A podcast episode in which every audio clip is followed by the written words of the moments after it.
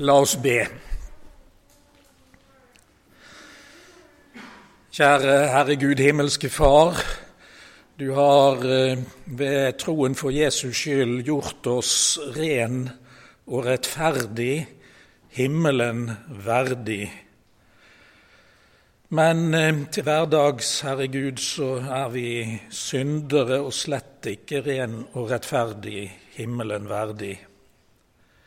Vi skulle så gjerne se, Herre, at avstanden mellom det du har gjort oss, og det vi greier å virkeliggjøre til hverdags, ble mindre.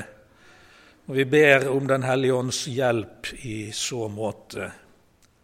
Amen. Søndagsteksten vår står eh, skrevet i Matteusevangeliet kapittel 5, vers 20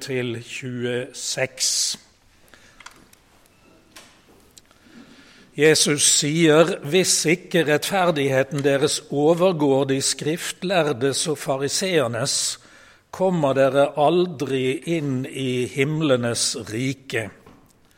Dere har hørt det er sagt til de gamle, du skal ikke slå i hjel, men den som slår i hjel, skal være skyldig for domstolen.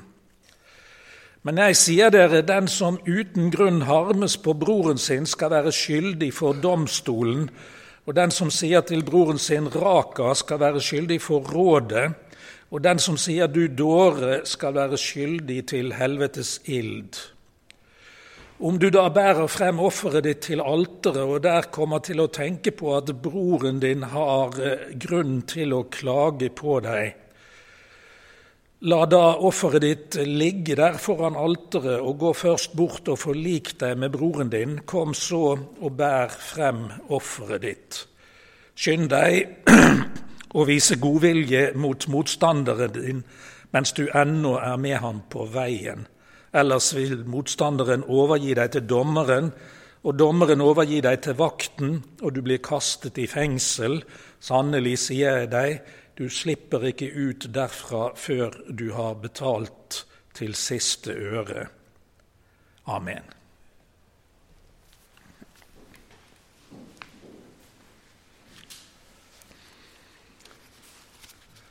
Det kom for en tid siden ut en eh, bok som hadde følgende tittel 'Etterlyst kolon Bergprekenens Jesus'.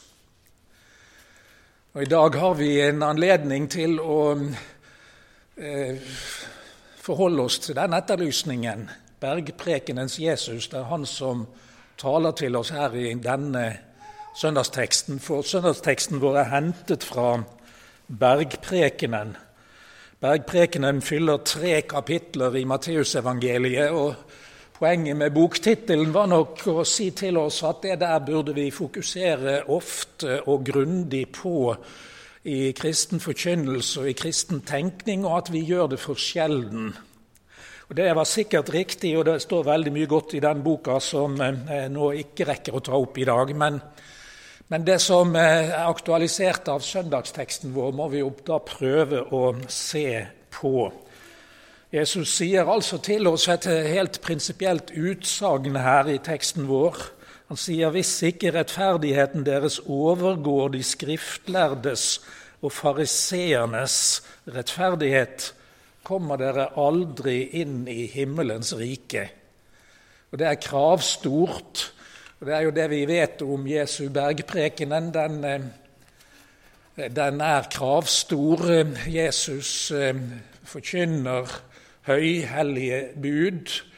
Og rett som det er skjerper til og med Jesus budenes rekkevidde sammenlignet med det folk flest antok om budenes rekkevidde. De rekker lenger enn som så, er det som om Jesus sier flere steder i bergprekenen. Bergprekenens Jesus har en side til, og det er at eh, den begynner med saligprisninger. Og Det er jo det motsatte av kravstore bud. Salig er den som prikk, prikk, prikk. Og så gjentas det der syv, åtte, ja faktisk ni ganger i saligprisningene. Og Jesus taler i bergprekenen til disipler som har satt seg ned rundt han. Det er jo en preken oppe på fjellet, og der er navnet Bergprekenen. Og De sitter vel der da, og jeg ser de for meg en ring rundt Jesus, og han taler til disiplene sine. Og Han begynner altså med å prise dem salig. Så frelse og salighet går foran i bergpreken sammenlignet med alle de kravstore budene som følger etter hvert i bergprekenen. Og Når vi snakker om bergprekenens Jesus, så må vi altså ha det med oss at her taler Jesus først og fremst til disipler. Og så begynner han med frelsen og saligheten, for det er jo frelsen og saligheten som gjør oss til disipler. Og så, når Jesus har fått det på plass, så er det at han taler alle disse budene som ellers utover forkynner, Jesus forkynner i bergpreken. Så her er det noe med det lyttende øret, eh, innstillingen vår i det vi lytter til Jesu ord, som eh, utfordrer oss at når Jesus taler i bergpreken, så trenger vi så å si å ha flere tanker i hodet på én gang. Husk, er det som om det ligger i kortene, husk at Jesus forutsetter at du er en disippel, at du eh, lever i troen. Og så taler han disse veldige etiske kravene til oss og sier rettferdigheten din, den må overgå fariseernes og de skriftlærdes rettferdighet, for ellers kommer du aldri inn i himlenes rike. Det er jo likevel egnet til å få oss til å hoppe i stolen, for hvem av oss holder så høye mål at vi, vår rettferdighet overgår fariseernes og de skriftlærdes rettferdighet? Om vi fotograferer bilder av um, hva Jesus sier videre, dette første verset om rettferdigheten, det er jo egentlig et slags prinsipputsagn i tanketroen i vår tekst. Um, det oppsummerer egentlig et forangående avsnitt som vi ikke har lest. Og så begynner Jesus i det andre av versene våre i dag på det som uh, ofte kalles for antitesene Eh, anti, det, den forstavelsen betyr jo imot. Altså, Da siterer Jesus en eller annen teselignende setning. 'Dere har hørt det er sagt', og så kommer den eh, setningen. Eh, og så sier Jesus, eh, kommer Jesus med sin antitese, sin mottese, og sier 'Men jeg sier dere'. Og I vårt tilfelle så er det egentlig det femte bud som er tesen. Dere har hørt det er sagt til de gamle. Du skal ikke slå i hjel, men den som slår i hjel, skal være skyldig for domstolen. Første delen der, du skal ikke slå i hjel, er sitat fra det femte bud, som står i andre Mosebok kapittel 20, og det er gjentatt i femte Mosebok og for så vidt mange andre steder i Bibelen. Du skal ikke slå i hjel. Det andre leddet, den som slår i hjel, skal være skyldig for domstolen, står ikke i det femte bud. Men det er en folkelig tilføyelse på Jesu tid. Antagelig noe som folk har drevet og sagt til hverandre. Den som slår i hjel, skal være skyldig for domstolen. Da blir på en måte budet 'du skal ikke slå i hjel' det blir som en rettsregel fra straffeloven, og det er først og fremst de som tiltales for drap etter straffeloven, budet da gjelder for. Og alle vi andre som aldri tiltales for drap, vi kan være fristet til å tenke på at akkurat det budet der, det greier jeg å holde. Jeg har aldri drept noen. Ehm, sånn er det naturlig å tenke når vi tar med den folkelige tilføyelsen, at der har vi rekkevidden til budet. Men det er Jesu poeng da å si at vi har bare forstått en brøkdel av budet hvis vi nøyer oss med denne ytre, handlingsmessige siden av saken. Men jeg sier dere, sier Jesus, og så kommer antitesen. Og Da fotograferer Jesus et bilde av i vers 22 i vår tekst er det, et bilde av munnen vår idet den snakker. Går det an å bruke munnen til å drepe meg, kunne vi spørre. Eh, i, den forstand at vi da dreper, eh, slår noen i hjel. Ja, sier Jesus, det går an å bruke munnen til å drepe meg, nemlig ved å si setninger og ord som impliserer i virkeligheten den hjerteinnstillingen som hører drap til. Ja visst går det an å drepe med munnen. Og Tyskerne de har jo til og med laget en egen glose på tysk for det der. De kaller det for rofmord. Det skulle bety noe sånt som et ryktedrap, altså at vi snakker med munnen og utsteder et eller annet rykte, serverer folk et eller annet rykte. Og det ryktet er i virkeligheten drepende for et annet menneske. Visst går det an å slå i hjel med munnen. Det er det Jesus sier i antitesen sin. Og eh, Det er til og med en veldig opptrapping i domsutsagene til Jesus i løpet av det vers 22. Han, han gjentar på en sett og vis poenget tre ganger med forskjellige og, og skjerpede ord. Den som harmes på broren sin og blir sint på broren sin, det har jo egentlig med følelser og, og, tanker å gjøre, det.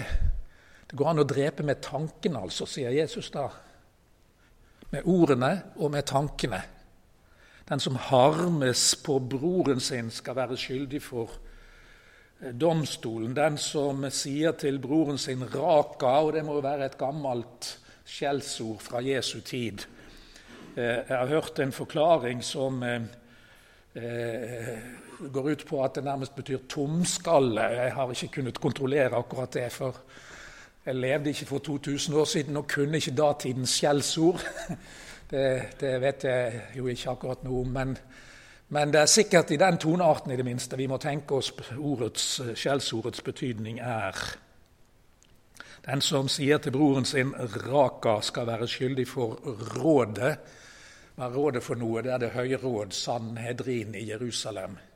Da er det ganske alvorlig. Jesus, eh, å, bli stilt for rådet på Jesu tid, det, det var en høy domstol i Israel.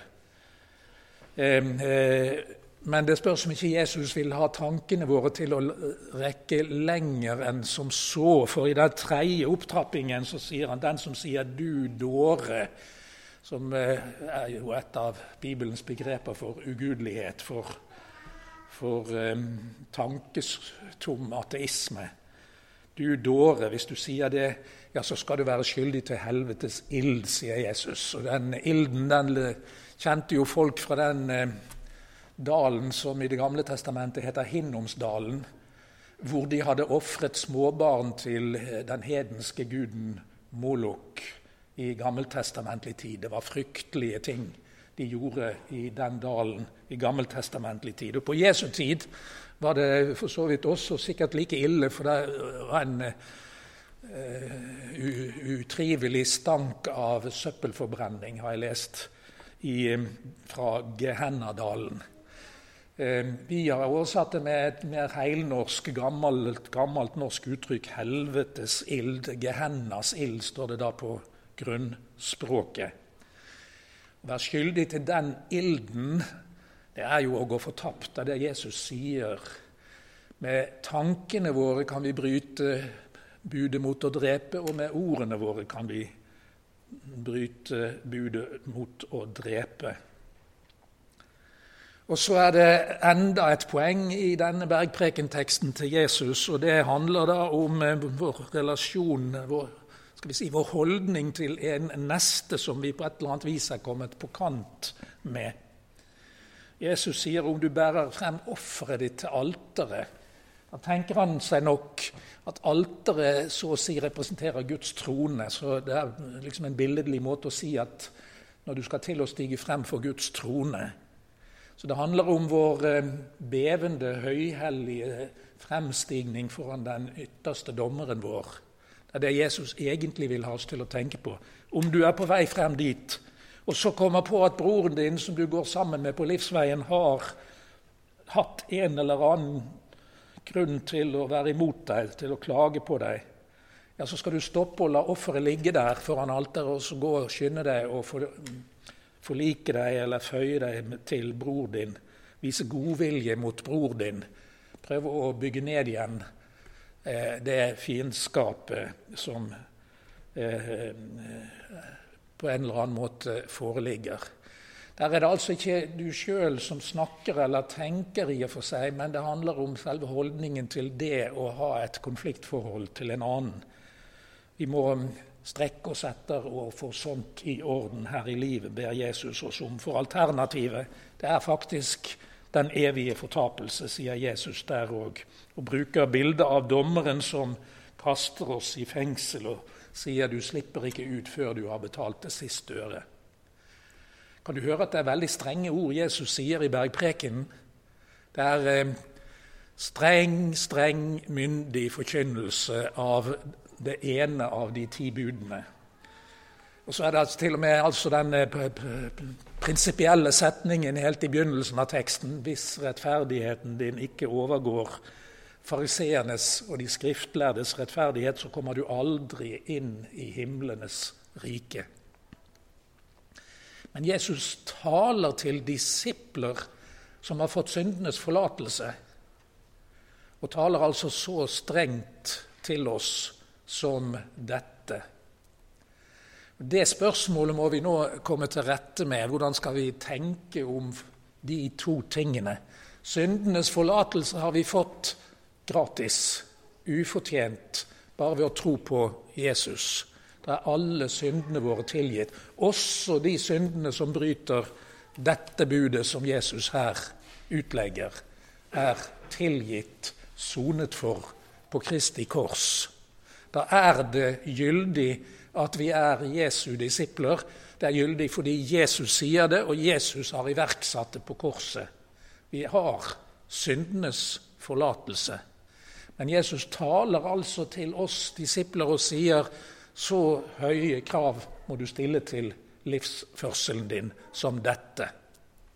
I tanker og i ord og i handling.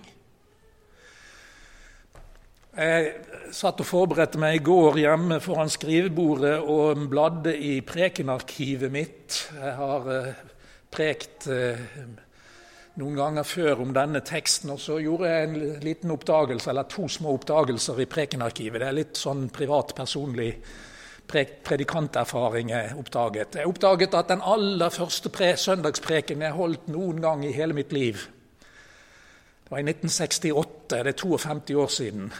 Og jeg var gresslig ung. Jeg var 21 år. Og så hadde en prest i Loddefjord spurt meg om å være søndagspredikant, eh, for han hadde visst ikke fått full ferie den sommeren. Og så ville han få litt ferie på den måten at det var en annen som prekte, så skulle han få rette. Og jeg var teologistudent. Jeg hadde fullført det som het første avdeling av teologistudiet.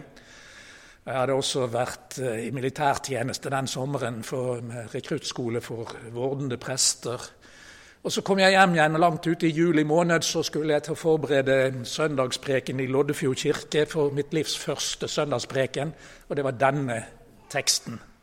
Så det var et lite 52-årsjubileum. Det er ikke så veldig rundt tall akkurat for som søndagspredikant, jeg oppdaget. Så leste jeg gjennom det håndskrevne manuskriptet som lå i arkivet, da, og tenkte at ja, ja, denne her predikanten var veldig ung, tenkte jeg. Det er sånt som man har lov til å tenke når man er blitt 73 år og ser tilbake på seg selv som 21-åring. Da har vi lov til å tenke ja visst, en gang i tiden var jeg veldig ung. Det er greit. Men jeg oppdaget et jubileum til. Jeg oppdaget det at Noen år seinere, i 1981, så hadde jeg faktisk hatt i oppdrag å være radiopredikant eh, på NRK Radio på en søndagsgudstjeneste fra Høyanger kirke, hvor jeg den gangen var sogneprest. Og det var den samme teksten. Det var denne teksten her. Og Så så jeg gjennom det prekenmanuskriptet og leste det fra ende til annen, og så tenkte jeg ja, alt det som står i dette manuskriptet, ville jeg ha sagt i dag òg. Jeg vedkjenner meg det der. Nå var jeg ikke fullt så ung lenger. Ehm, eh, det er 39 år siden, så jeg var jo ung da òg, men, men eh, det var nå greit. Men det datt ned i meg en erindring fra den søndagen i 1981. Eh, jeg hadde altså reist fra der hvor jeg bodde i Lavik, og en times kjøretur innover langs Sognefjorden til Høyanger, og hatt radiogudstjeneste i Høyanger kirke. Og så hadde jeg kjørt en time hjem igjen etter radiogudstjenesten, og idet jeg kom hjem, så ringer telefonen. og så er det en lytter, en dame fra Østlandet, som ringer og gråter i telefonen. Hun var blitt så sint på meg mens jeg prekte, fortalte hun. Jeg hadde, 1981 da var det en heftig strid om fri abort i Norge. Og jeg hadde et avsnitt hvor jeg minnet om at når Jesus sier 'du skal ikke slå i hjel', i denne teksten så inkluderer det at han forbyr oss å ta livet av ufødte små barn i mors liv. Det hadde jeg sagt midtveis eller sånn i preken. Og Hun fortalte det da hun som ringte, at hun hadde likt så veldig godt å høre på det jeg sa den første halvdelen av preken. Hun syntes hun forsto alt jeg sa. Og så sa jeg det der om å ta livet av små barn i mors liv. Og så svartnet alt for henne. For eh, hun hadde gått og fått tatt abort på en liten baby, fortalte hun meg. Hun kunne ikke orke å høre på det jeg sa om at da hadde hun lagt seg på kollisjonskurs med et Guds bud. Og Jeg husker ikke igjen alt fra den telefonsamtalen. Jeg husker at jeg prøvde så tappert som jeg bare kunne å fortelle om syndenes forlatelse ved å bekjenne syndene for Jesus. Jeg prøvde nok, men jeg, når samtalen var ferdig etterpå, så tenkte jeg at jeg tviler på at hun forsto hva jeg sa da. Det det var for mørkt og svart inni henne til at hun greide å ta imot den siden av budskapet. Og jeg satt og så på dette i går, og så kom hele denne gamle erfaringen, predikanterfaringen tilbake til meg. Da hadde jeg altså utlagt bergpreken sånn som jeg for så vidt har prøvd å gjøre nå òg, så langt. Og så sokk det i meg at det kommer litt an på ørene som hører. Hvis man eh, gjenkjenner syndene sine når Jesus taler til oss om synder, enten det er handlingssynder, slik som i hennes tilfelle, eller synder i ord, eller synder i tanker, sånn som vi, ingen av oss kommer fri fra å ha, ja, så kan det svartne helt for oss at Jesu ord setter fingeren så smertefullt på de krenkelsene vi har begått, at vi ikke greier å få tak i budskapet om syndenes forlatelse. Det der er veldig viktig når vi tenker på at eh, vi har en etterlysning etter bergprekenens Jesus. Eh, at eh, vi må forstå hele fylden av det Jesus sier til oss i bergpreken, nemlig at han virkelig mener det alvorlig når han taler til disiplene og sier 'salig er dere' som eh, mangler alt som kan rettferdiggjøre dere, men dere tror på Herren Jesus, Han som er all rettferdighetskilde. kilde. Det var nei, bare noen få kapitler lenger fremme i Matteusevangeliet så er det en eh, tekst som forteller om at Jesus kommer til døperen Johannes og sier at han gjerne vil bli døpt. Og Døperen Johannes protesterer, for han har eh, praktisert dåp og vaske bort syndene til folk som kom og angret syndene sine. Døperen Johannes hadde eh, praktisert dåpshandling i Jordan elv i form av bortvasking av synder. Og så kommer en som er 100% syndfri, Jesus, og ber om å bli døpt. Og så protesterer døperen Johannes og sier nei, det sømmer seg heller at du døper meg. Hva svarer da Jesus? Han svarer 'la det nå skje'. Det, det ordet hører jeg som en erkjennelse. Ja visst, du har rett, eh, Johannes. Eh, han som du nå står foran deg, er virkelig syndfri. La det nå skje, sier Jesus. Det er et rimelighetsargument. Og så føyer Jesus til for slik sømmer det seg å oppfylle all rettferdighet. Og Det har slått meg at det ordet rettferdighet som Jesus der bruker når han overtaler døperen Johannes, det kan kanskje kaste lys over det Jesus sier i vår bergprekentekst om vår rettferdighet. Ikke slik at glosene faller sammen og dekker det samme. Eh, det tror jeg ikke vil være riktig av oss å tenke eh, når Jesus sier at rettferdigheten vår må overgå rettferdigheten til de fariseerne og de skriftlærde, så er det mer sånn som om man sier at vi må ha en ferd som er rett. Altså en rett ferd. Det er en livsførselsglose, tror jeg.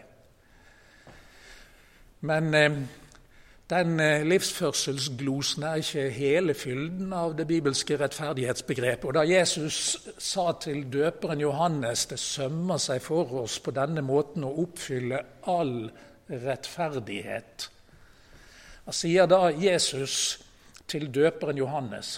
Jo, nå skal du til å dyppe meg ned i Jordan elv. Og Det er et bilde på det som om tre år skal skje når de ruller en stein foran graven min. Da er det som om Jesus begraves ned i elvevannet. Et forbilde på Jesu død og oppstandelse tre år senere. Og slik sømmer det seg for oss å oppfylle all rettferdighet. Da sier Jesus faktisk til oss at det fins en rettferdighet som er veldigere enn den rette ferden, til og med. Og det er den rettferdigheten som vi får hos Jesus ved troen. Og Så taler han til oss i bergpreken i dag og forkynner for oss om denne rettferdigheten, om denne rette ferden, og viser oss hvordan f.eks. det femte bud, ett av de ti budene, har en dybde, en innholdsfylde, som langt overgår det vi ved første blikk kanskje tenker.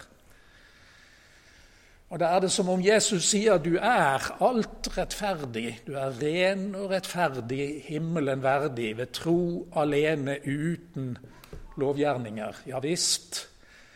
Men du må ferdes i livet på en måte som avfotograferer den himmelske kjennelsen at du er rettferdig. Livsførselen din må svare til den nådige gaven du har, har fått. Du skal ikke gå gjennom livet og være rettferdig for å fortjene rettferdigkjennelsen, men du skal avfotografere rettferdigkjennelsen når du ferdes gjennom livet som Jesu disippel. Da strekker du deg hver dag på nytt etter å virkeliggjøre den kvaliteten som Jesus har tilkjent deg. Og Derfor taler Jesus i bergpreken til oss med formaninger. De som har gitt oss leseteksten i dag, har faktisk ønsket seg denne formaningsbetonte utleggelsen av bergpreken. Ikke den strenge tonearten som hun som ringte i telefonen til meg, hadde hørt i radioprekenen min den gangen, som eh, knuste henne fullstendig. Guds bud har som funksjon å knuse en synder fullstendig. Det er jo ganske riktig. Men disipler skal ikke knuses flere ganger. Når vi har fått syndenes forlatelse, så er den vår. Og Da skal forkynnelsen av det samme budet og det samme innholdet i budet taler vennlig til oss. Og Det har de som har gitt oss leseteksten i dag, villet ha oss til å oppdage. Jeg vet ikke om du la merke til tonearten i Salme 36, som var den gammeltestamentlige leseteksten. Den begynner altså med å si 'Herre, til himmelen når miskunnheten din' og trofastheten din til skyene. Rettferdigheten din er som mektige fjell, dommene dine er et stort dyr, dyp. Og lenger nede hvor dyrebar miskunnheten din er, Gud. Kan du høre at det er benådningstoneart i hele salme, denne delen av Salme 36? Det er uh, ufattelig nådig toneart. Og Så hørte vi en lesetekst fra Galaterbrevets femte kapittel. Og var det eh, en voldsomt streng tekst? Ja visst, den var voldsomt streng, men den hadde en mild toneart. Det sto i det første verset 'vandre i ånden'. og Da hører vi at det handler om livsvandringen vår. Vandre i Ånden, så skal dere ikke fullføre kjødets lyst, står det. For kjødet begjærer imot Ånden, og Ånden imot kjødet. Hva står det i det verset der? Jo, det står at det raser en krig i alle troende mennesker. Kjødet i oss begjærer én ting, Guds ånd i oss begjærer noe annet. Og Derfor er vi hele tiden to personer. En som er tilkjent syndenes forlatelse og rettferdighet, og en annen som bare vil det onde hele tiden. Og det raser simpelthen hver dag på nytt en krig inni oss. Og da kommer Guds bud til disipler ikke for å frata oss saligheten og gjøre oss gi oss mangel på frimodighet i så måte. Men det kommer til oss med en vennlig toneart og sier 'Kom, så skal jeg ta deg i hånden og veilede deg til hverdags', sånn at du kan bedre og bedre virkeliggjøre den nåden som du har fått. Er strengt nok i fortsettelsen i Galaterbrevet 5. Kjødets gjerninger er åpenbare, står det. Så kommer en hel katalog av onde gjerninger. Utukt, urenhet, skamløshet, avgudsdyrkelse, trolldom, fiendskap, trette, misunnelse, sinne, ærgjerrighet, splittelse, partier, mord, drukkenskap, svirelag og annet slikt. Det er ikke småting som det settes fingeren på, det er kjødets gjerninger. Men så står det en katalog til, og det er åndens frukter er kjærlighet, glede, fred, langmodighet, mildhet, godhet, trofasthet, ydmykhet, avholdenhet. Og mot slikt er loven ikke, står det der. Og fordi vi hører Kristus til, skriver apostelen, så har vi korsfestet kjødet med alle dets lyster. Det vil si at det er Jesus som er korsfestet, og Vårt kjøds onde gjerninger har han tatt opp på korset og sont for dem og gjort oss fri ifra dem. Men han ber oss virkeliggjøre de kvalitetene som da følger av det. Vi kaller denne måten å forholde oss til Guds bud på, på for, for, formaninger. Vi sier at vi trenger å høre formaninger for å bli oppmuntret til å vandre rett i samsvar med vår tro men på en slik måte at vi ikke blir fratatt frimodigheten som benådede syndere. La oss be.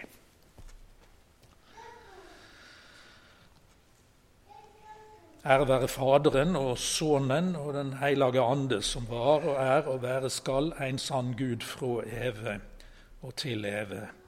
Amen.